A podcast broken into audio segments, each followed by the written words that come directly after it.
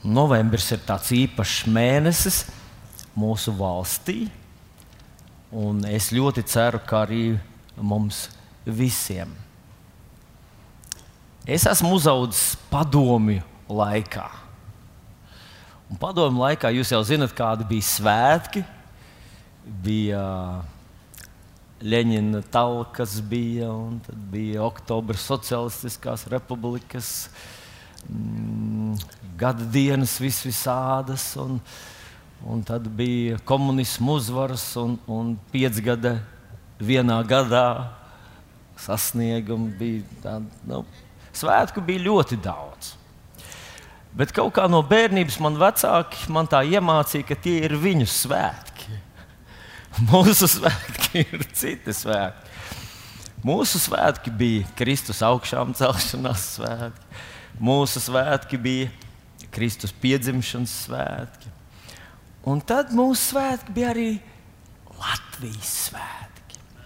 Un tad kaut kur tā ļoti slepeni mēs paskatījāmies, kāds bija Latvijas karoks sarkanbalts, sarkanais. Un toreiz man likās, ka tas ir vienreizēji skaists. Kas var būt skaistāks? Jūs atceraties, kāds bija padomu Latvijas karoks? Kurš vēl atcerās? Ir cilvēki, kas nav redzējuši to nereizi. Tas tā kā vienotru jaunieti var pārsteigt, ja tu runā krievu valodā. Viņam tā gandrīz vēl liekas, kā franču valoda. Jā, Mūsu paudzes cilvēki ir ļoti izglītoti cilvēki. Bet padomu Latvijas karoks tur bija tāda vilnīša, un tur bija augšā sirds un āmurs, un viņš bija sarkans. Viss, un... Un tā. Bet, kad es redzēju Latvijas karogu, es domāju, vai tiešām pienāks kādreiz tādi laiki, kad varēsim droši, droši sev pie krūtīm piesprāst Latvijas karogu vai kaut kur pie mājas pielikt kad mūsu valsts svētkos būs kaut kur Latvijas karos, likās neiespējami. Un tad tēvs man stāstīja, ka kādreiz mūsu Latvijas valdība ir bijusi visi latvieši. Nu, arī toreiz bija latvieši. Nu, nu bija nu, Pugo, bija latvieši. Vismaz kaut kā viņa tā iegūta tāds latviešu uh, uzvārdus, bet uh, Kaut kā likās, ka viņi ir sveši un tāli mums. Un nu mēs dzīvojam šajā realitātē. Ziniet, kādreiz skatos uz sarkanu, baltu sarkanu un iedomājos, hm, tāds vienveidīgs, divas krāsas tikai.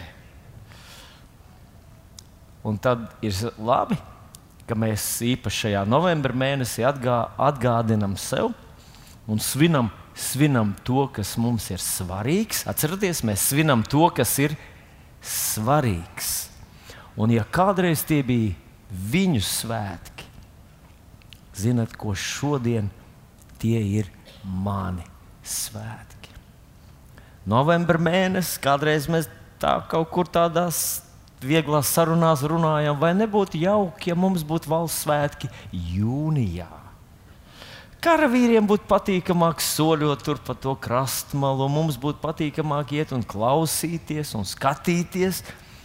Bet parasti ir vējš, un ēvēs un lietus vēl. tāds kaut kā tāds, kāpēc mums Latvijai neveicas? Ar vienu no lielām neveiksmēm ir novembris. Bet, zinot, īstenībā novembris ir milzīga, milzīga Latvijas veiksme un svētība. Un tas bija uh, 18. gada 18. novembrī, kad Latvija tika proklamēta neatkarīga Latvija. Tas bija pirmo reizi latviešu tautas vēsturē. Pirms simts gadiem, pirmo reizi latviešu tautas vēsturē, kad latviešiem bija iespēja tikt pie savas valsts, nodibināt savu valsti. Tas tika pasludināts, kā mēs zinām, Nacionālā teātrī. Bija tāda sapulce, kur sanāca kopā valsts vīri, kuriem vēl nebija savas valsts, un pasludināja valsti. Mums liktos, ka vajadzēja visai pasaulē nodarbēt, un visiem aplaudēt, un visiem būt sajūsmā, ka dzimusi tāda valsts, Latvija. Bet nekas tam līdzīgs nenotika. Vēl divi smagi gadi, divus smagus gadus. Tie bija vissaržģītākie gadi Latvijas vēsturē. Latvijai vajadzēja cīnīties un pierādīt, ka tāda valsts ir un ka tā var eksistēt, ka tā ir tiesības uz eksistenci. 18. gada 18. novembrī Latvijā bija milzīgs vācu karaspēks. Bija milzīgs tāds tektoniskas kustības, ja tā var izteikties, kad milzīgas, lieli tādi slāņi kustās un nezinu vēl, kas notiks. Jau gadu Krievijā bija pilsoņu karš, kur mēs pazīstam kā bolševiku vai lielnieku sacelšanās. Rietumu sabiedrotie gribēja apstādināt šo te, šo te bolševiku uh, dumpi, gribēja palīdzēt Krievijai apstādināt to tur. Tāpēc šī vācu armija eh, līdz pat 50 tūkstošiem vīru tiek uzskatīts bija bruņoti, labi bruņoti. Labi apmaksāti, labi apgādāti vācu karavīri bija Rīgā, liela daļa no vadības bija Rīgā un bija Latvijā. Un te bija stāvēja angļu kara kuģis, te bija citu valstu kara kuģi. Un bija tāds, tāds ļoti sarežģīts laiks. Kā mēs zinām, Latvija pirms tam bija Krievijas sastāvā, un tagad Krievijā tur ir, ir lielas pārmaiņas, un šeit bija liela neziņa par to, kas notiks, kā būs, kas notiks ar mazo zemīti Latviju. Un tā bija neliela saujiņa. Mēs tiešām varam teikt, ka neliela saujiņa cilvēku, kas ticēja, kam nebija pierādījumi, nebija stingrs, spēcīgs aizmugurs. Neliela saujiņa cilvēku, kas ticēja, ka šis ir mūsu laiks, ka šis ir Dieva dota, šī ir Dieva dota iespēja mums pašiem nodibināt savu valsti.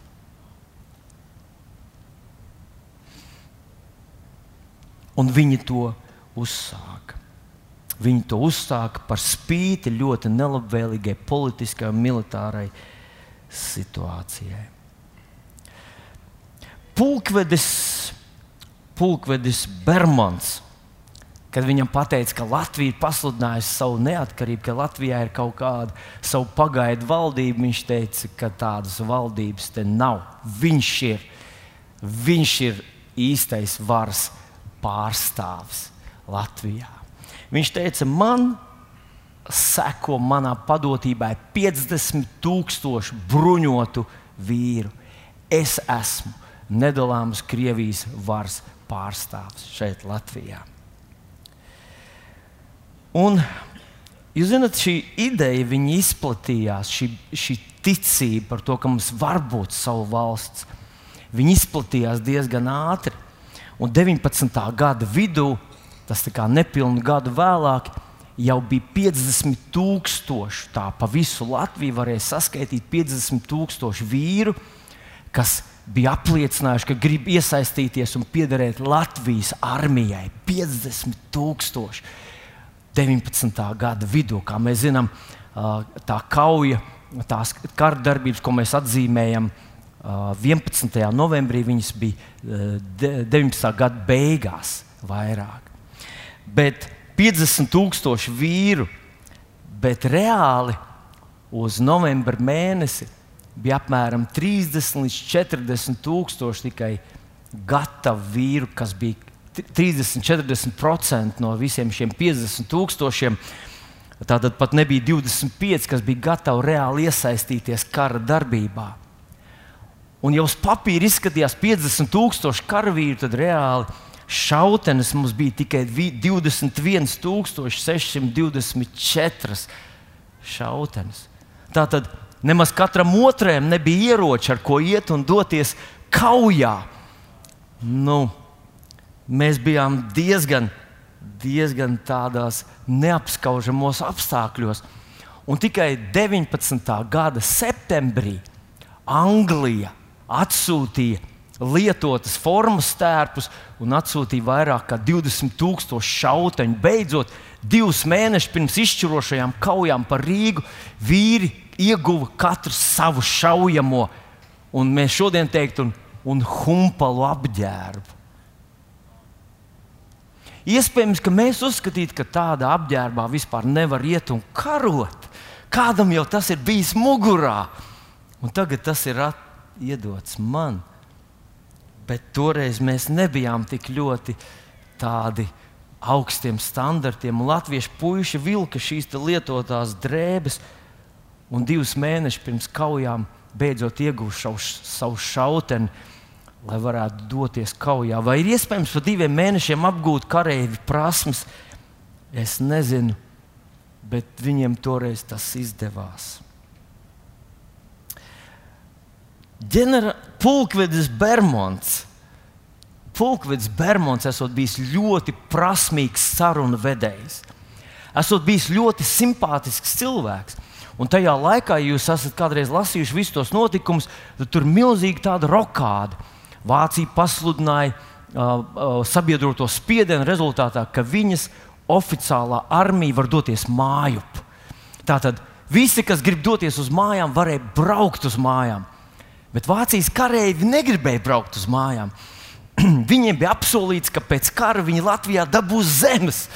Un es varēju iedomāties tos, Latviju, tos vācu puišus, kad viņi maršēja pa, pa Latvijas ārēm. Tur ieraudzīja kādu skaistu, skaistu kalniņu, nupīt lejā un domāja, šī ir manējā. Droši vien, ka es gribēju šo pļāvu, tā būs mana zeme. Kāds cits gāja tālāk, ne tālāk būs vēl kaut kas labāks, vēl lielāka zeme un vēl skaistākas pļavas. Tātad Latvijā bija palikuši tikai brīvprātīgie. Brīvprātīgie mēs saprotam, ka tie ir algotņi. Vācu karavīram maksāja 15 markas dienā. Viņi nekur nesteidzās. Nu, šodien mums tas izskatās, varbūt nemaz tik liela nauda tā nav. Bet es domāju, ka tajā laikā tā bija paliela nauda. Virsniekam maksāja 50 markas.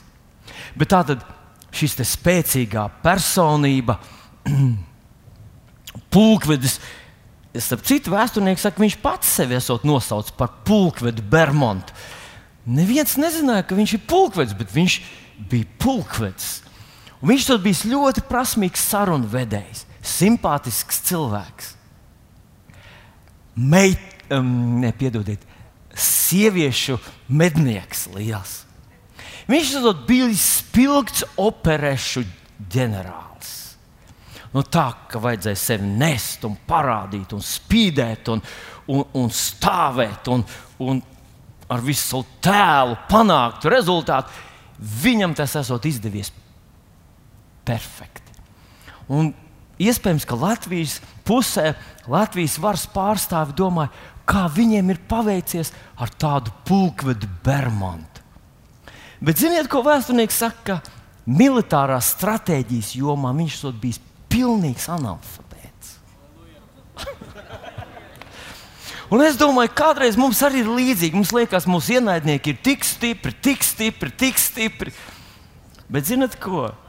Ja Dievs ir jūsu pusē, tad tur kaut kur ir tāds mīnus kur ir grūti vispār novērtēt. Un neskatoties uz to, ka varbūt ģenerāla pulkveža Bermuda karaspēks nebija skaitliski daudz lielāks. Viņš bija lielāks, bet nebija ļoti izteikti lielāks.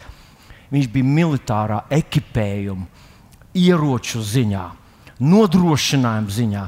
Viņš bija daudz, daudz nodrošinātāks. Un es iedomājos, kā jutās tas ģenerālis Bermuds kad Vācija, ja es pareizi atceros, bija no 20 līdz 50 miljoni marku, ko Vācijas valdība piešķīra Bermontam, lai viņš varētu uzturēt savu armiju.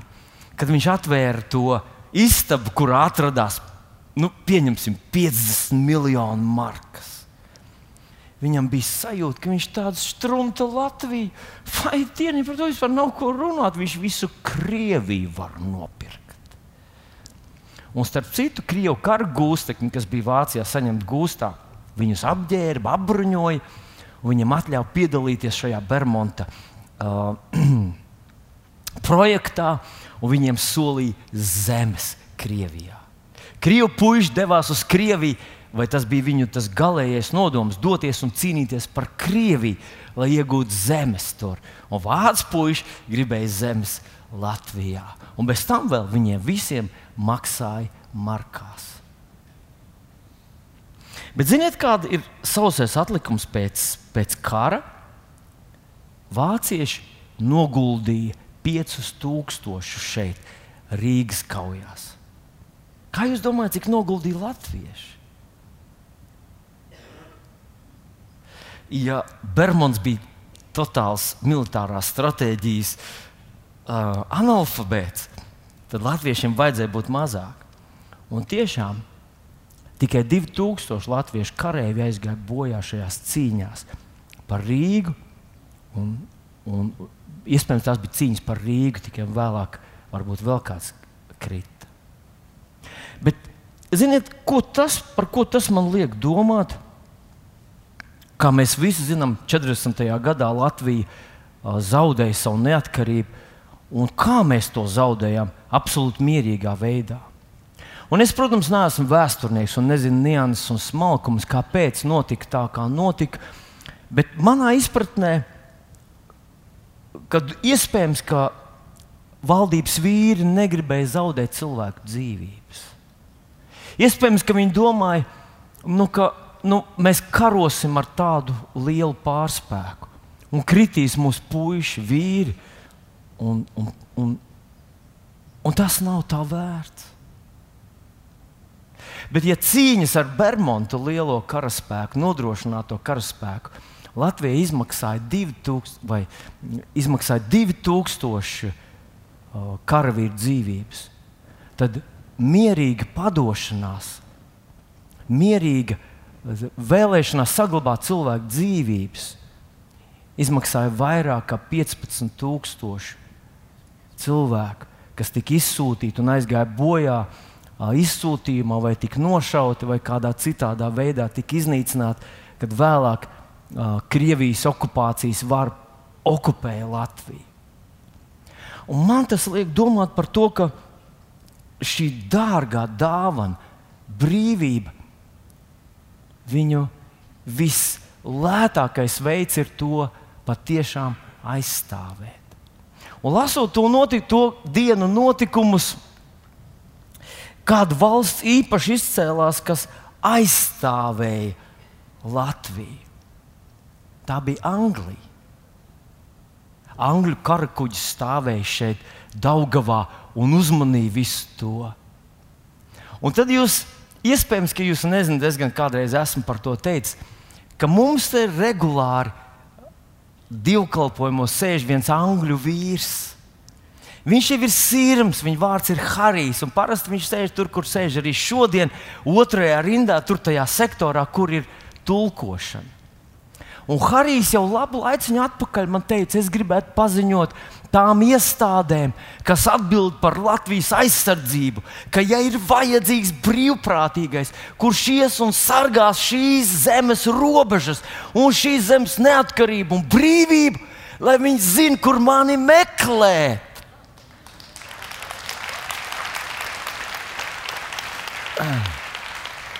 Tas ir tas pirmais kungs ar austiņām, kas tur sēž. Un es tā domāju, ka viņš varbūt tulkojumā kaut ko pārprot, kaut ko es pārprotu. Un es viņam saku, bet tu taču esi anglis, tu taču esi no Anglijas. Ko tad tev jāizstāv šajā zemītē mazajā? Un viņš teica, Dievs man aicināja uz Latviju. Un tas nozīmē arī sargāt šo zemi, arī fiziski, ja tas būs nepieciešams.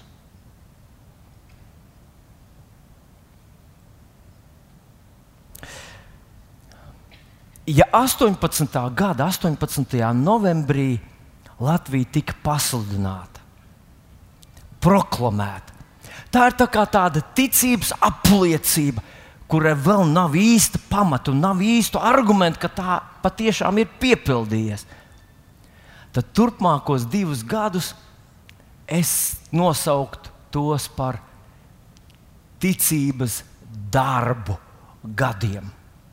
Atcerieties, Jānis saka, ka ticība bez darbiem ir nedzīva.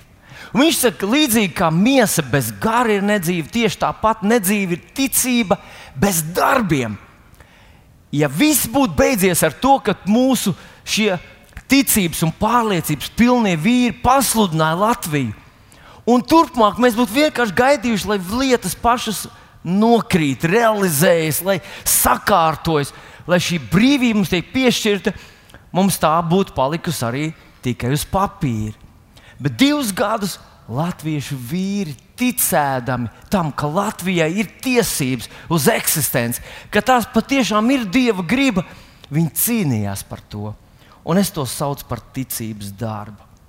Un vai jūs zinat, ka ebreju vēstulītes 11. nodaļa, kuru, kuru uzskata, ka tā ir ticības varoņu slavas zāle? Ebreju vēstulītes 11. nodaļa ir ticības varoņu slavas zāle, ir basketbola slavas zāle, hokeja slavas zāle. Ir mm, uh, snorkelētājs, slavas zāle, un tā tālāk. Latvija ir pieminēta, uh, Latvijas sasniegums ir pieminēts arī šajā ebreju vēstulītes 11. nodaļā, ticības varoņu slavas zālē. Un es jums izlasīšu, kā tur par mums ir uzrakstīts. Paklausieties! Un ko vēl lai saku? Man pietrūktu laika stāstīt par Gideonu, Baraku, Samsonu, Jeftu, Dāvidu, Samuēlu un praviešiem, kas ar ticību valstis uzvarējuši, taisnus darbus darījuši, apsolījumus saņēmuši laurīklis aizbēg, aizbāzuši, uguns spēku nodzēsuši, zobenu asmenim izbēguši, pārvarējuši nespēku, karā stipri kļuvuši un svešus karapulkus piespieduši bēgt.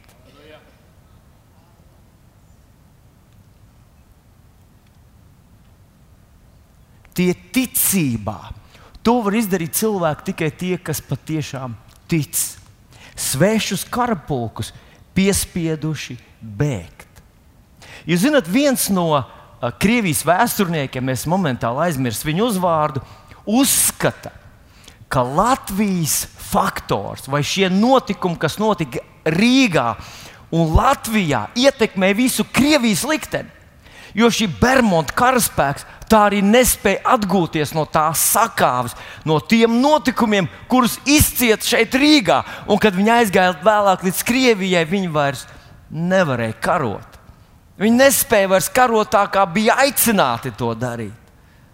Tā kā tā mūsu latviešu sakām vārds par mazu cinīti, kurš spēja nogāzt lielu vezumu, burtiski piepildījās Latvijas. Tapšanas laikā, Latvijas proklamēšanas un vēlāk tās aizstāvības laikā. Bet ir kādi cilvēki, noteikti arī toreiz bija, un starp citu, starp tiem tiek minēts arī kāds viens Andrievs Niedra, kurš tiek nu, mm, vienmēr piesaucis, ka tas ir mācītājs. mācītājs. Nav nekas teikts par visiem citiem, kādu profesiju pārstāvji tie bija. Bet mācītājs Andrievs Niedra ir tas, kurš bija gatavs uh, atteikties no Latvijas neatkarības un veidot uh, Vācijai labvēlīgu vai Vācijai interesantu valdību. Uh, ir vienmēr bijuši tādi cilvēki, kas uzskatījuši, ka tik maza tauta nevar, nevar pastāvēt viena, nespēs pastāvēt viena. Nu, nu, droši vien, kad jūs visi jau zinat, un neko jaunu es nepateikšu, es vienkārši tā pats interesi pēc atgādināju sev, jo nezināju. Mēs tikko klausījāmies par kataloniem, kas grib iegūt neatkarību tajā demokrātiskajā pasaulē. Un es pie sevis domāju, nu, cik to katalāņu īsti ir. Ja mūsu, mēs esam liela tauta, mēs esam gandrīz vairāk kā miljons, vai ne? Un savos ziedu laikos bijām virs diviem miljoniem. Cik ir to mazo katalāņu, kas grib tur no Spānijas iegūt neatkarību? Cik viņi ir īsti? 10 tūkstoši, 20 tūkstoši, 30. Ja viņi ir 50 tūkstoši, tas ir nopietns spēks. Katalāņi 7,4 miljoni. Viņi cīnās par savu neatkarību, un viņiem to neizdodas iegūt. Vai jūs zināt, ka Etiopija, kur pasaulē ir bēgļi, parasti kā pirmie bēgļi tiek minēti etiopieši, nu, liela tauta, viņi taču varētu sakārtot savu zemi. Viņi ir 105 miljoni. Ziemeļkorejā dzīvo 25 miljoni cilvēku. Afganistānā nu, kur mēs kā visi zinām, kur ir nu, pilsoņu karš, un tur karo, karo, karo, bezgalīgi karo. Tur tā ir liela tauta, 35 miljoni. Nu, Sīrijā arī mēs zinām, sena kultūra. Mēs vēl vecajā derībā lasām par sīrieti Naimanu, kurš bija izcils karavadons, kurš spēja iekarot svešas tālas zemes, bagāta, liela tauta. Cik sīrieši ir šodien, kur, kā mēs visi zinām, no Sīrijas pamatā visi bēg prom. Tā ir liela tauta ar 18 miljoniem cilvēku. Tad ne mūsu skaitliskums, ne mūsu senās tautas dziesmas nosaka to, ka mēs dzīvojam savā valstī un dzīvojam šajā vietā, kurā esam. Tas ir Dieva brīnums. Jūs zināt, nu diena, tas ir Dieva brīnums, ka tajā 18. gadā mēs tikām pie savas valsts un divus gadus smagās cīņās pierādījām, ka spējam savu tautu, savu valstu uzturēt un ka tauta spēja dzīvot pati savā zemē. Bet kāds teiks, jā, jā, bet tikko pie pirmās iespējas mēs arī pazaudējām to savu neatkarību 40. gadā. Man nāk prātā kāds stāsts, kur noteikti jūs arī visi zinat. Kāds cilvēks nokrīt no, eh, no augstceltnes, nokrīt zemē un izdzīvo. Un viņš to stāsta kā liecību kādam citam cilvēkam. Es biju tur uz tās deviņas stāvu mājas jumta un nokritu no turienes. Tas ir brīnums! Acīm redzot, tas klausītājs ir nu, īsts, īsts, zinātnisks, tāds, mm, ar tādu ateistisku pieskaņu, saka, kas tas par brīnumu? Tā ir sagadīšanās. Tu nokriti no tās augstceltnes un esi dzīves. Tas nav brīnums. Brīnums nenotiek. Tā ir vienkārši sagadīšanās. Bet gadās, ka tas cilvēks otro reizi tur uz tā jumta atkal ir un atkal nokrīt. Un atkal izdzīvo.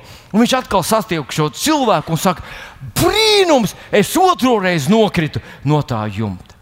Nu, jūs visi zināt, ko atbild viņam šis te, uh, zinātnīs nu, nu, skeptiķis. Viņš saka, ak, tu otrais nokrīt no tā jumta un atkal izdzīvoja nekas tev. Tas nozīmē, ka tas ir ieradums. Tas nav brīnums. Brīnumi nenotiek. Un zinat, kad Latvija atkal atguva 90. gados, atkal atguva savu neatkarību, tas bija otrs brīnums. Protams, skeptiķis teiks, tas jums tas tāds ieradums, pazaudēt un atkal atgūt uh, neatkarību. Bet es gribētu apgalvot, ka tas ir Dieva dots brīnums un pierādījums, ka tas ir Dieva prāts, ka Latvija ir tāda valsts un latvieši dzīvo savā zemē. Nu, bet Latvijai ir simts simts gadi.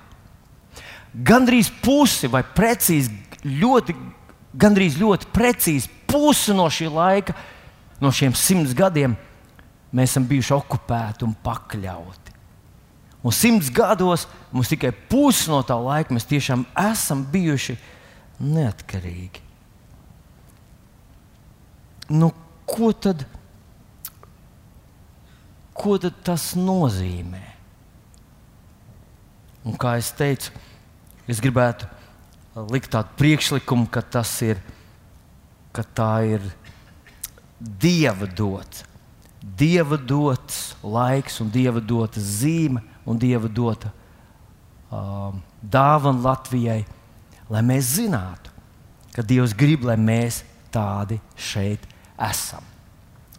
Es izlasīšu rakstvietiņu no apakstuļu darba 17. nodaļas, kura ļoti tieši attiecas arī uz mums, latviešiem. Apstuļu darbi, 17. nodaļa, lasu 26. pāntu. Viņš licis visām tautām celties no vienām asinīm. Visām tautām no vienām asinīm. Dzīvot pa visu zemes virsmu un nospraudis noteiktus laikus un robežas, kur tiem dzīvot. Dievs, te ir teikts, ka Dievs līdzis tautām rasties. Tas bija Dieva plāns, ka mēs esam tādi, kādi esam, un esam tur, kur esam. Tas, ka esam latvieši, nav mums no tā jākaunās. Nav par to jājūtas vainīgiem. Tas bija Dieva plāns. Varbūt tu neesi Latvijas, varbūt tu esi Krievs. Par to nav jākaunās. Tas bija Dieva nodoms un plāns Krievam būt Krievam, Baltkrievam būt Baltkrievam, Lietuvietim būt Lietuvietim un Latvietim būt Latvietim. Bet viņš ir noteicis laikus un robežas, kur tiem dzīvot. Tālāk teiks, lai tie meklētu Dievu, vai tie viņu varētu nojaust un atrast, jeb viņš nav tālu nevienam no mums.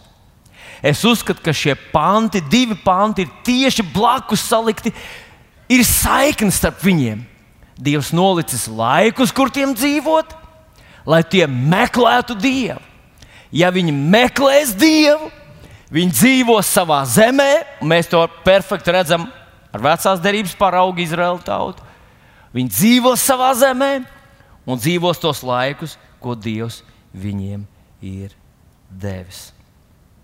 Un tāpēc no visas sirds gribu teikt, ka mums vajadzētu meklēt Dievu. Mums vajadzētu sludināt savai tautai Kungu Jēzu Kristu. Jo tas ir veids, kā mēs varam palikt savā zemē un izdzīvot savu laiku. Bet radās vēl viens jautājums, kurš šādi un tādi varbūt oficiālās runās, protams, mēs to nedzirdam, bet neoficiālās runās, kad ir izslēgti mikrofoni un tādā šaurā lokā, dažreiz To var dzirdēt arī pats starp mācītājiem. Nu, labi, nu, labi mēs esam savā zemē. Nu, labi, mēs, mums ir simts gadi. Nu, labi, mēs runājam savā valodā, bet kas tad īsti ar mums notiek? Vai mēs krītam vai ceļamies? Kur mēs esam šodien? Kur mēs esam savos simts gados? ir cilvēki, kas, es esmu dzirdējis, kas cilvēki saka ļoti skeptiski par mūsu valsts vīriem. Droši vien esat dzirdējuši kaut ko par teicieniem, pa sīli, un tur, kurš tur pie sīles, un kurš tur vēlās nokļūt. Par tiem, kas tur tie simts deputātiem, kurus esam ievēlējuši.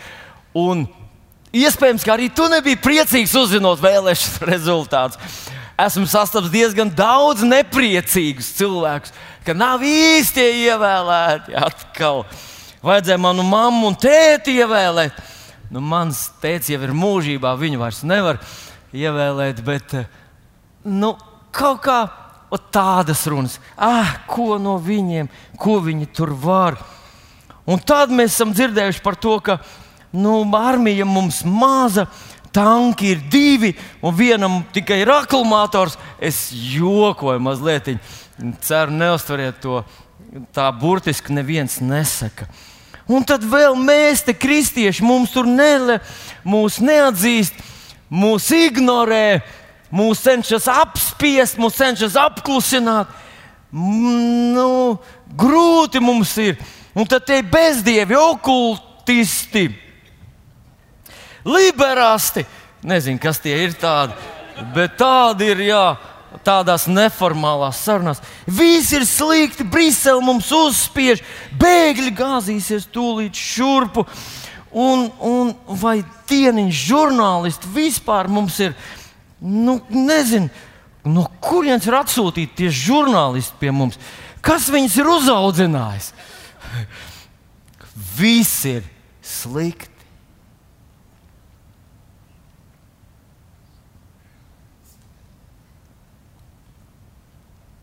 Ko tu domā Latvijas sakarā? Ko tu domā Latvijas sakarā? Vai viss ir slikti?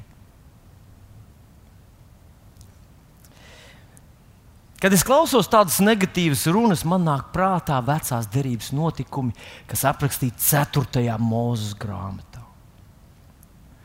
Mēs visi esam Bībeles lasītāji, mēs lieliski zinām notikumus, kas notika mūzes vadībā, ka tauta, kas bija 400 gadi vergi, apspiest, bez tiesībām. Faraons varēja pavēlēt vienkārši visus puišus nogalināt. Mēs nevaram iedomāties šodien, kad kāds izdod tādu likumu.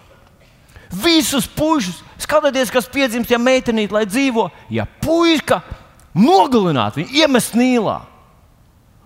Toreiz tā tas varēja notikt.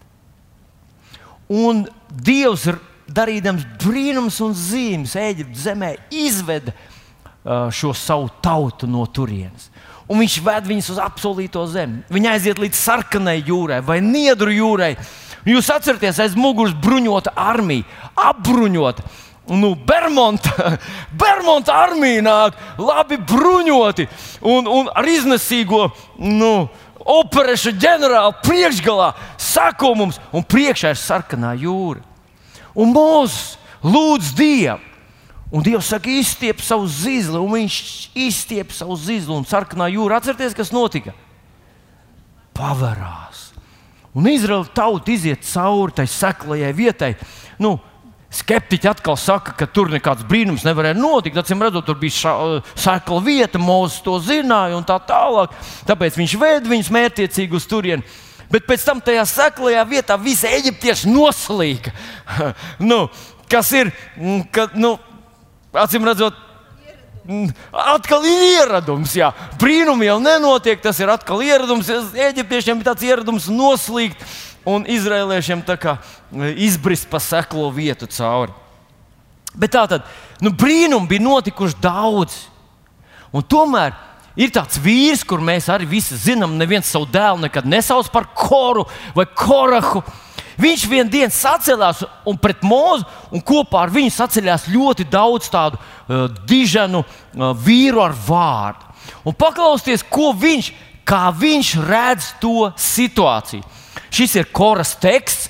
Ja tu gribētu uh, piedalīties šajā izrādē, tev būtu jāsaka šie vārdi un jāsaka tie mūzumi. Paklausieties, ko koras saka. Vai tad nepietiek? ka tu mūs esi izvedis no tās zemes, paklausties, kurā piens un medus. Viņa apziņā tas viss bija apgriezies ar kājām gaisā. Tur Eģiptē, kur mēs nogalinājām trīs savus dēlus, jo tie bija puikas, kur mēs ražojam ķieģeļus bez algas. Tur Eģiptē šobrīd viņš saka, piens un medus tek. Un tu mūs izvedi no turienes, lai mums liktu mirt tuksnesī.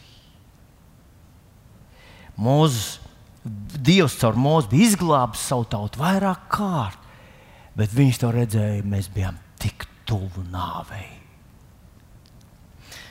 Vai jūs kādreiz esat parunājuši ar saviem vienaudžiem? Es runāju par manu gadu, ja, gadu gājumu jauniešiem, kā bija padomu laikos. Kādreiz mums bija sanācis tāds saruna, un mēs sākām tā kaut ko runāt, kā mēs stāvējām rindās. Jaunieši nemaz nezina, kas tā rinda ir. Ja pie Rīgas viņi pieiet pie kases un tur stāv pieci cilvēki, tad tas ir vispār. Kur ir organizācija, kur skatās menedžers, kas tur notiek vispār? Nu, nu. Jā. Vienīgās, kur mēs vēlēšanās, mēs esam ar mieru stāvēt rindās. Ne? Bet toreiz rinda bija ikdienas, tā bija vieta, kur meditēt. Tā bija vieta, kur tu iestājies nu, pretim stāvošajam, aiz muguras nostājies. Un vai varēja mierīgi stāvēt rindā? Nē, Tev visu laiku vajadzēja vaktēt, lai kāds neiet tur, neielien pa taisno kaut kur tur, apējot rindu. Un mēs tā nostalģiski izsmējāmies, kā tas toreiz bija. Redzēja rindu, bija viens nerakstīts likums, stājies iekšā. Kaut ko dod. Un cik viegli bija veikalos. Veikalos bija trīs pāri koka kurpju un vienas kurpes no Čehijas. Tu jautā pārdevēju, vai vēl daudz vēl ir tās no Čehijas. Tu pat neuzvilki kājā, pamēģināt, vai viņas der, vai piestāv, vai, vai ir tavs izmērs, vai vēl daudz ir no Čehijas. Ņemt, kāds izmērs ir, jo kādam no radiniekiem noderēs. Bet atcerieties, kad bija desas kungs. Visi stāvēja rindā ar sarkaniem vaigiem. Skatījās, lai nevienam nedod vairāk, un pārdevēja tādu rītīgu kartonu papīrā, tīri iekšā sviestu un desu. Un kad tu tik pie letes, un tev vēl bija iespēja, tu ņēmi par visu naudu. Bija augsts laiks, mēs tā plāpājām savā starpā. Jā, ja tev nebija ko darīt mazmaiņā, vienmēr varēja paņemt, izlasīt jaunākās ziņas. Jo avīzēs nekas nemainījās. Mēs vienmēr uzvarējām, pieci gadi vienmēr bija pārpildīta. Un, un Brežņevs vienmēr kaut ko darīja labu, kaut kur viņš atklāja kaut ko. Tu vari pieci gadu vecu avīzi lasīt, un tur bija tas pats. Viss. Un tieši tāpat šis koros saka par to laiku Eģiptē. Tas bija piens un medus. Un viņš saka, Dievs mūs ved, lai mūs nogalinātu. Kā tad tu vēl tagad mūs turi sev par valdnieku? Tu mūs patiesi neesi ievedis zemē, kurā piens un medus tek, nedz arī mums devis iemantot laukus vai vīna dārzus. Vai tu šeit gribi tautai smiltis, acīs kaisīt? Vilni, vai tu šorīt gribi smiltis acīs kaisīt mums? Sakot, ka Latvija tā ir svētīta zeme. Paklausieties, nu, druskuļi padomāsim, mēs paši. Iedomājieties, ka jūs dzīvojat svešā zemē. Mēs runājam savā valodā. Mums ir savi ievēlētie tautas priekšstāvi. Viņi nāk no mūsu vidus. No mūsu vidus. Ziniet, kas ir interesanti, kad jūs palasot 18. un 19. gada notikums, jūs konstatēsiet, ka nav gandrīz neviena ģenerāļa, neviena pulkveža ar latviešu uzvārdu. Pamatā viss ir kaut kur no Vācijas, no Krievijas vai no Anglijas. ja nemaldos, Rīgas, viens no atbildīgiem Rīgas kauju vadītājiem bija Angļu ģenerālis. Ka tie ir savējie puiši tur augšā, kas saprot mūsu kas vērtē mūsu dzīvības. Toreiz tas tika uzskatīts par kaut ko nozīmīgu un svarīgu. Šodien mums tādi ir no mūsu vidus. Viņi uzrunā savu tautu mūsu valodā, cenšoties aizsniegt mūsu un uzrunāt mūsu. Viņiem ir svarīgi, ko mēs par viņiem domājam. Mums ir Latvijas, uh, latviešiem ir latviešu virsnieki latviešu puiši, kas mācās karot. Un jūs zinat, ko? Ja toreiz tie puiši karoja par Latviju, mana pārliecība, ka arī mūsu puiši, kas šodien dienē profesionāli armijā un saņem par to naudu, kad Dievs nedod, protams, bet ja tāda stunda pienāktu, viņi karotu par savu zemi, viņi nav sliktāki par tiem, kas bija toreiz. Un man pārliecība, ka arī mūsu valsts vadītāji nav sliktāki, ka mūsu parlaments nav sliktāks. Galu beigās Bībelē mums saka, ka Dievs piedalās pie šī darba, un mēs taču ar jums vienmēr esam lūguši Dievs dod īstos vadītājus šai valstī. Viņi nav perfekti, varbūt. Bet es tev atklāšu noslēpumu, ja tu tur būtu. Ja tu tur būtu un censtos visu darīt no visas savas sirdsapziņas, liela daļa te uzskatītu par pie silas līdēju un par negudru un nesaprātīgu. Vienkārši kaut kā mums kāds ir iesējis un iemācījis tādu nelgu dziesmu. Mums vajadzētu ticēt saviem vadītājiem. Un bez tam vēl vislielākais arguments. Šodien Latvijā ir tik daudz kristiešu, ka mēs varētu sadalīt pa vienam uz katru piecstāvu māju. Un nozīmē, ka šī māja ir tava atbildība. Mums būs katrai mājai savs mācītājs. Mēs varētu uz katru Latvijas kvadrātkilometru nosūtīt savu misionāru, kurš izstaigāt pēdu pa pēdai savu kvadrātkilometru, svētīt, lūgt un, un, un, un pravietot savai zemei. Un, ja viņa šodien vēl nav perfekta, tad mēs jums esam zemes sāls un pasaules gaisa. Mēs tie esam. Tad, kad zemes sāls un pasaules gaisma saka, ka viss ir slikti, kaut kas tur ir nepareizi. Jūs zināt, jums tiem derētu aprunāties ar manu kaimiņu. Vienkārši latviešu vīru, kurš ir drusku vecāks par mani, viņa vārds ir Dainis. Vienu gadu, kad pāris gadu atpakaļ, bija ļoti daudz sniega. Un sniega, un sniega, un sniega. Un mēs tā slapām mugurām vakarā nostrādājušies ar Dainu, parunājām, un es saku, nu, redzēju, ka sola atkal kas snigs. Viņš teica, nu, ko darīs? Kur tu liksies? Cik snigs, tik tīrīsim. Un parasti, kad vilnis no rīta pamostās, Dainis jau savu darbu padarījis. Un parasti vēl krietni iebrauc viļņu teritorijā notīrījis. Un es domāju, ja kāds ir Latvijā tāds, kuram vajadzētu teikt, nu, cik arī drūmi un tumši laiki nebūtu, mēs tīrīsim, nu, kur tu liksies? Ja tu esi pasaules gaisma un zemes sāls, ja tu esi atbildīgs par šo zemi, ja tu. Jā. Ja Dievs tevi ir nolicis šajā zemē, lai tu to sakārto, tad taču tev tas jādara. Mīļie draugi, ja kāds man jautā, vai mēs krītam vai ceļamies, es gribētu teikt, mēs ceļamies. Tagad, pat, kad tu sēdi šeit, priekvēs dievkalpojumā, mūsu valsts prezidents sēž domu baznīcā. Šodien nav. Nu, nu labi, lielākā daļa valsts uh, ministru sēž doma, kur? Kur? Nevis krogā, nevis nu, sarkanajā laukumā, nevis pie mauzolē. Sēž baznīcā. Vai jūs esat ievērojuši, kā arhibīskaps Jānis Vanaks uzrunā tos, tos valsts pārstāvis? Zinat, ko? Es varu būt, būt skaļāks, Es varbūt būtu indīgāks kaut kur kādās vietās, bet viņš uzrunā perfekti. Viņš runā Dievu vārdu. Ne vienkārši kā uz cilvēkiem, viņš runā kā uz valsts vadītājiem. Un viņi visi tur sēž un klausās Dievu vārdu. Mēs ceļamies. Es ticu, ka mēs ceļamies. Mēs ceļamies. Un starp citu, ir ļoti perfekta ilustrācija vecajā, deri, eh, piedodiet, jaunajā darbā.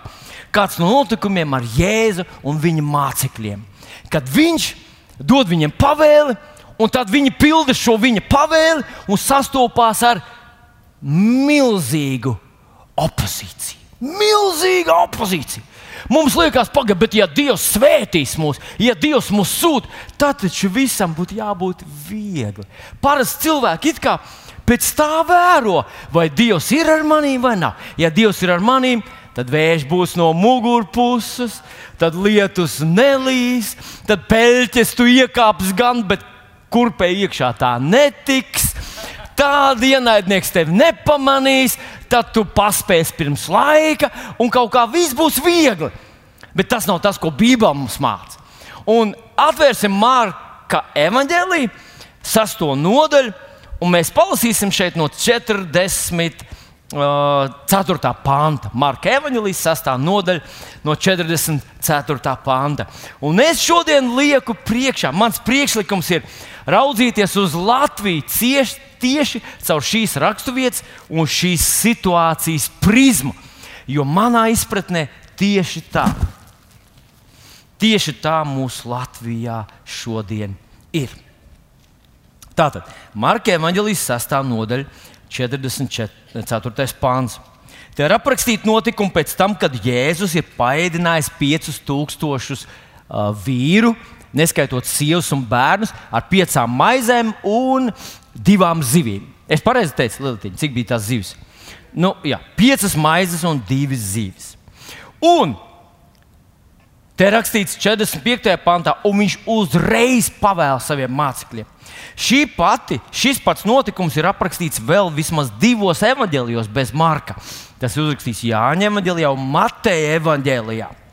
Bet, uh, un, un, un tam ir izskaidrojums, kāpēc Jēzus atvainojiet man uz mirklīti.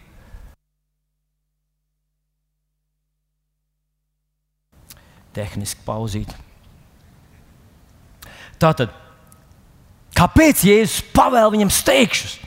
Tur ir cilvēki, kas pēduši un teikt, mēs, kur mēs vēl labāku ķēniņu atradīsim. Un viņi grib nākt un ar varu viņu padarīt par ķēniņu.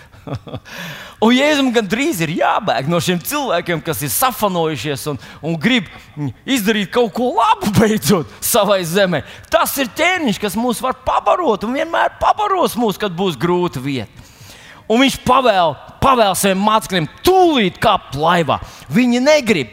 Tas nav tieši te uzrakstīts, bet mēs varam noprast no tām, vārdiem, kas šeit ir lietoti, ka Jēzus pavēl, paģēr, liek viņiem, tūlīt kāpt laivā un doties uz otru pusi. Ir jau novakars, un acīm redzot, mācekļi jau nojauš un, un sajūt, kā tādi ezera cilvēki, kā tādi, kas ir dzīvojuši šajā jūras malā. Viņi jūt vēju, viņi jūt spiedienu izmaiņas, un viņi zina, ka nāks vētra, viņi negrib tur doties. Bet, ja es saku, tā, es jums saku pēdējo reizi, kāpiet laivā un uz to pusi. Un viņi kāpj un dodas. Un tad tur rakstīts, Tātad, lai viņš, lai viņš pārcēlās uz Betsaidu, tas ir tā šaurākā vieta Ģenēcerēts ezerā. Tur apmēram divu stundu mierīgi darbs, viņa aizērotos, un viņa jau būtu tajā pusē vēl pirms tumsas iestāšanās. Jēzus atlaiž ļaudis, gāja kal un iet kalnā dievu lūgt. Un kad vakars metās tāds satums, laiva ir tikai jūras vidū, tikai pusceļš viņi ir nobraukuši, un viņiem saceļās tāds pretvējš, tāds pretvējš, Kā citi evanģēlīji saka, laivu mētā turp un atpakaļ. Pēc viņi no rīta Jēzus dodas pie viņiem, ir pagājuši apmēram septiņas, astoņas, kāds no uh, uh, tu, um, teologiem pat saka, pat deviņas stundas ir pagājušas. Viņi deviņas stundas smagi airē. Vējš ir tāds, ka viņi netiek uz priekšu. Pēc deviņu stundu airēšanas viņi pārējušies tikai, kā, ja nemaldos, Jānis rakstīja, 30 līdz 40 stadijas. Ar vienu trešo daļu no visa ceļa viņi tikuši uz priekšu tikai vējš, lietus. Tāds. Un, Es nezinu, ko viņi runā tajā savā starpā, bet viena, ko mēs varam mācīties, ka tie vīri nepagriez atpakaļ un nedavās uz drošību. Viņi vienkārši spītīgi paklausīja Jēzum un darīja to, ko viņš teica. Pēc astoņām stundām pat tiem pašiem viļņiem, kas draudēja viņus noslīcināt un viņus apgāzt, nāk brīnums. Tas brīnums ir kas? Tas brīnums ir ir Jēzus. Ievēro! Tie paši apstākļi, kas viņus draudēja noslīcināt, kas viņus atturēja, kas viņiem sagādāja milzumu daudz smagumu un cīņu, uztur Jēzu. Jēzus iet pa tiem viļņiem, no kuriem viņi baidās un kas viņus apdraud. Un ziniet, kas ir interesanti šeit ir uzrakstīts? Ka Jēzus nevis iet pie viņiem, bet viņš vienkārši klusām iet viņiem garām. Viņš gribās, izskatās, ka iet garām viņiem. Kāpēc Jēzus tā darīja? Es zinu, kādu būtu darījis tu, pareizi.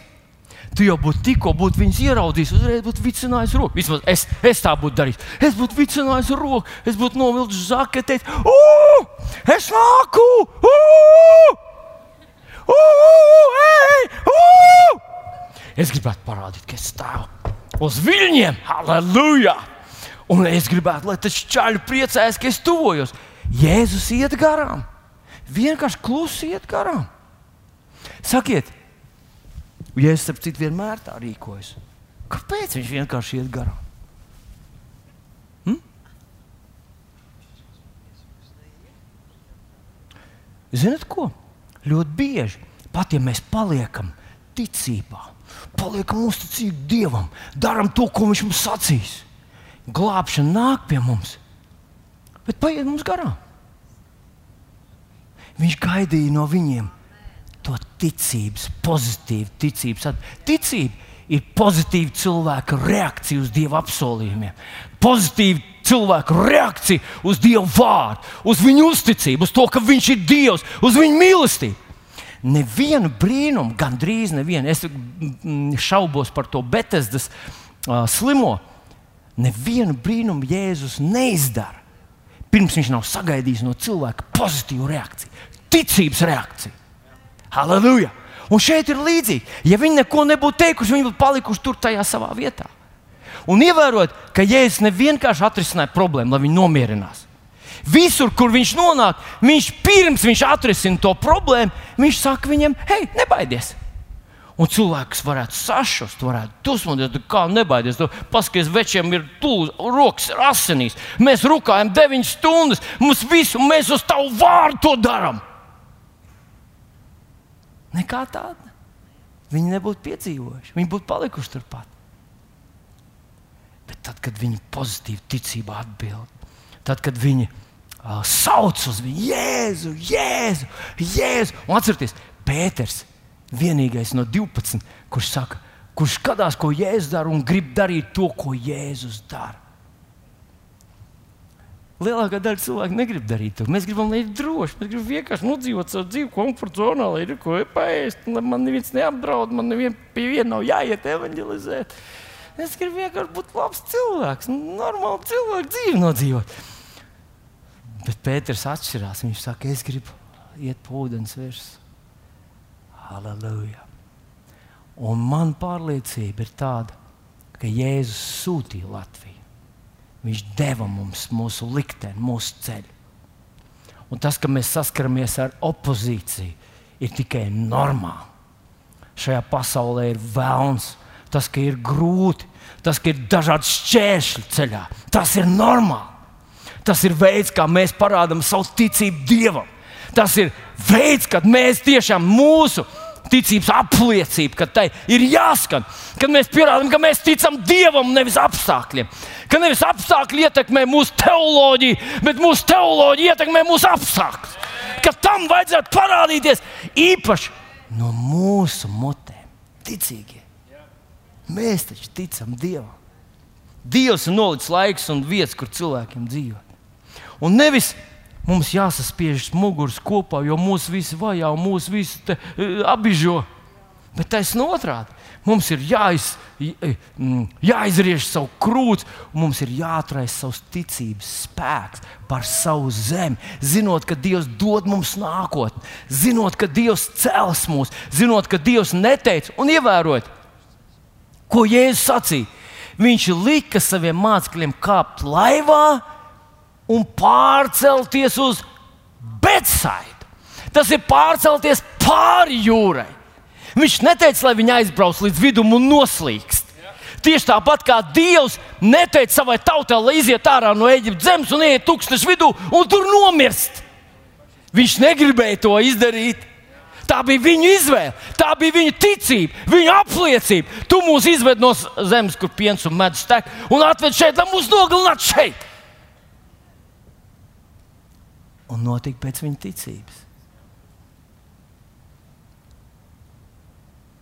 Halleluja! Tie vārdi, kurus Jēzus teica, pārcelieties no šejienes uz Betsaidu, ir tā pati mute un tie paši vārdi, kas Bībeles sākumā teica, lai top gaisma, lai top planētas, lai lai sausums, tu, jūra, ūdens vidū, lai radās sausums. Tie bija tie paši vārdi. Dieva, varenā, dieva radošie vārdi. Šie vārdi uztur vēl aizvien visu kosmosu, visas šīs sistēmas. Un tas nozīmē, ka mācekļi uzticējās, viņi nenoslīgs vidū, viņi neaizies bojā, viņi paļāvās uz tiem vārdiem tik ļoti. Viņi nepadevās arī grūtību priekšā. Mēs no tā varam mācīties. Un mums kā tautai un zemē nevajadzētu padoties grūtībās. Mūsu pašu iekšējās grūtībās, kaut kādā cilvēku pārpratumos, kaut kādās neveiksmēs, kaut kur. Mums nevajadzētu mest plinti krūmos. Bet mums vajadzētu būt cilvēkiem, kas saka, Dievs sūtīja mūs šajā pasaulē. Viņš ir devis mums vīziju, Viņš ir devis mums uzdevumu. Viņš negrib, lai mēs pusceļā beidzamies, bet Viņš grib, lai mēs aizējām līdz galam. Un katru reizi, kad Dievs dod vārdu, dodies, vai Viņš dod tev uzdevumu, Viņš reizē arī šis vārds dod tev to spēju to izdarīt. Katrs Dieva uzdevums, redzējums, ko viņš tev piešķir, ko viņš tev saka, reizē dod tev spēju to arī izdarīt. Halleluja! Nakt, eh, gaļos viņš pie tiem atnāca pa jūras virsmu. Viņi ieraudzīja Jēzu staigājumu pa viļņiem. Mūsu kungs var uzvarēt visas tās problēmas, kāds, ar kurām Latvija saskarās, ja vien mēs paliekam ticībā.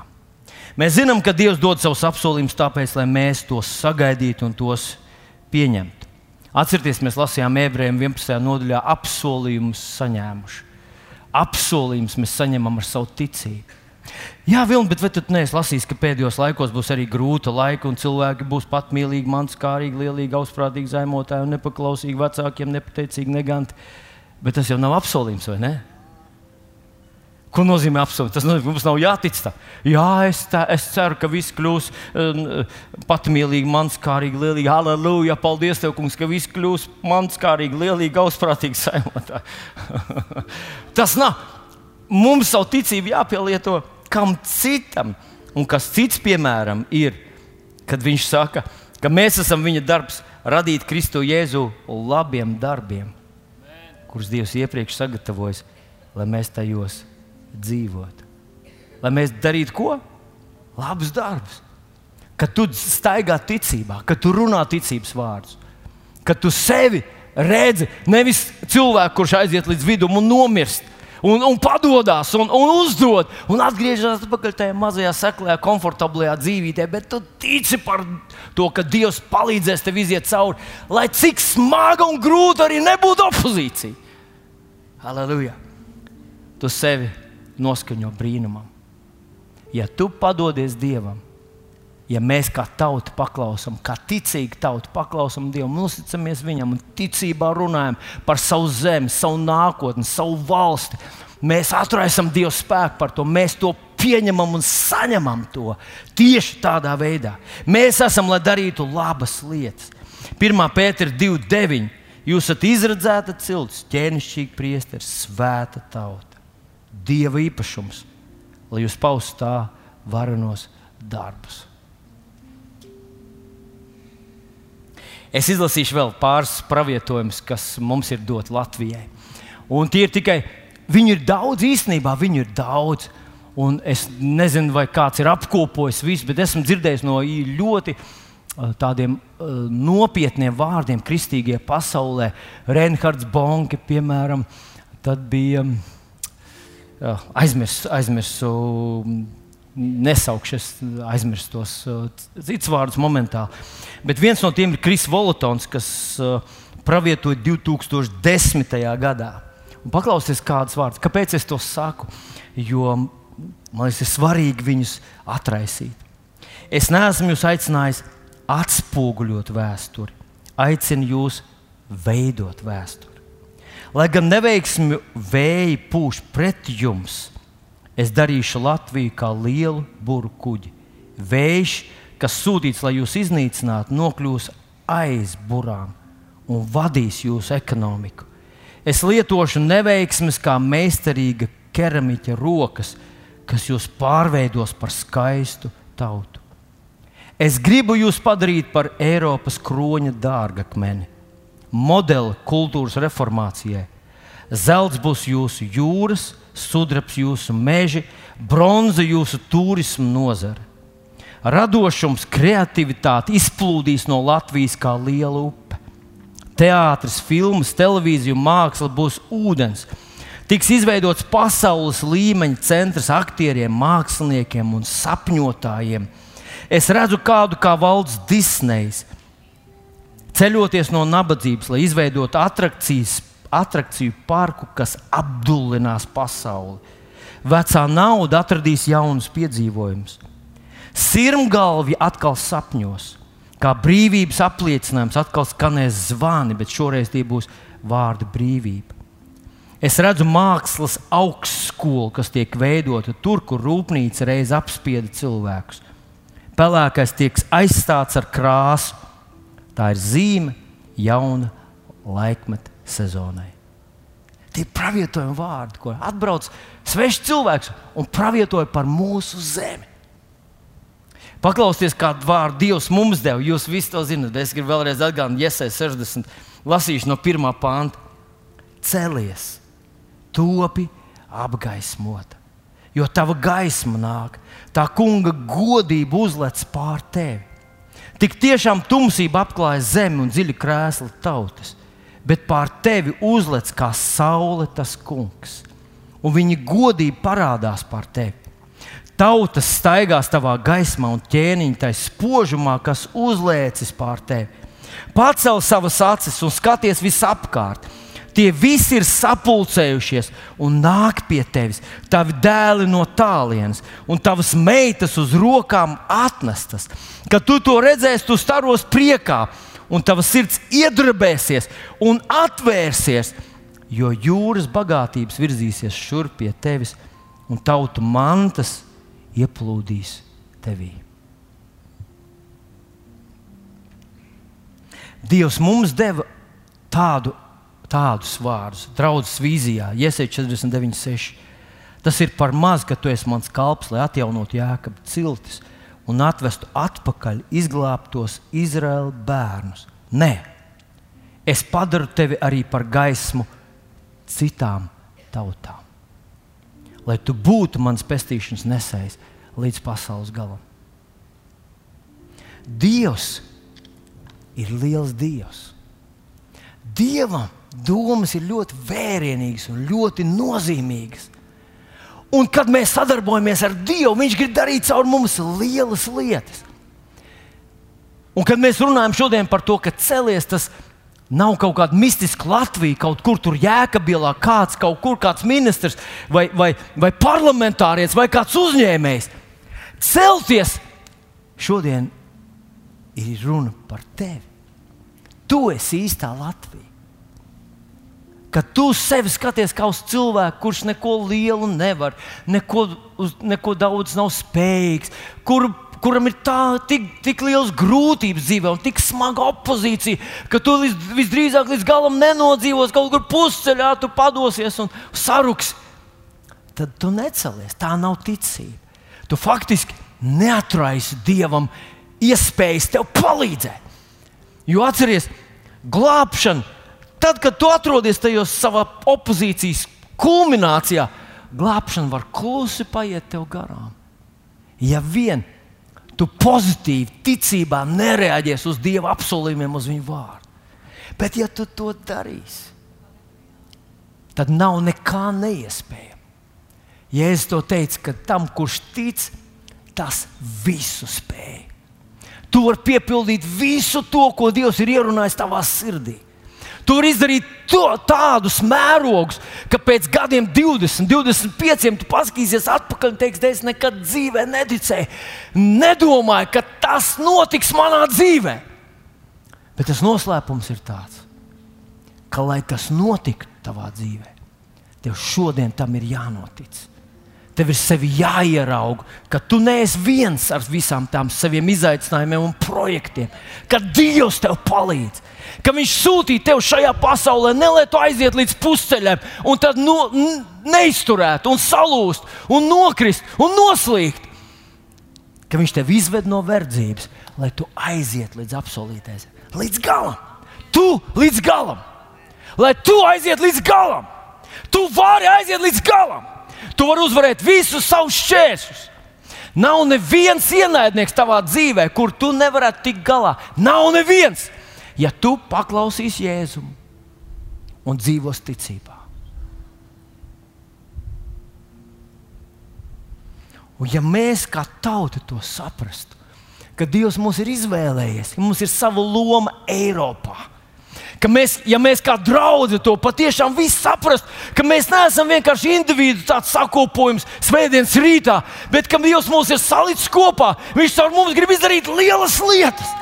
Ja mēs tam noticētu, un mēs sākam par to domāt, mēs sākam par to runāt, mēs sākam to redzēt ar savām garācīm, ka mēs esam šeit ne lai nodzīvot līdz nāvei, bet lai mēs ietekmētu daudz cilvēku dzīves, lai daudzi neaiziet uz zemi, bet aiziet uz debesīm. Ja mēs to ieraudzītu, ka mēs Latviju tiešām esam atmodas nācija, mēs to piedzīvojam.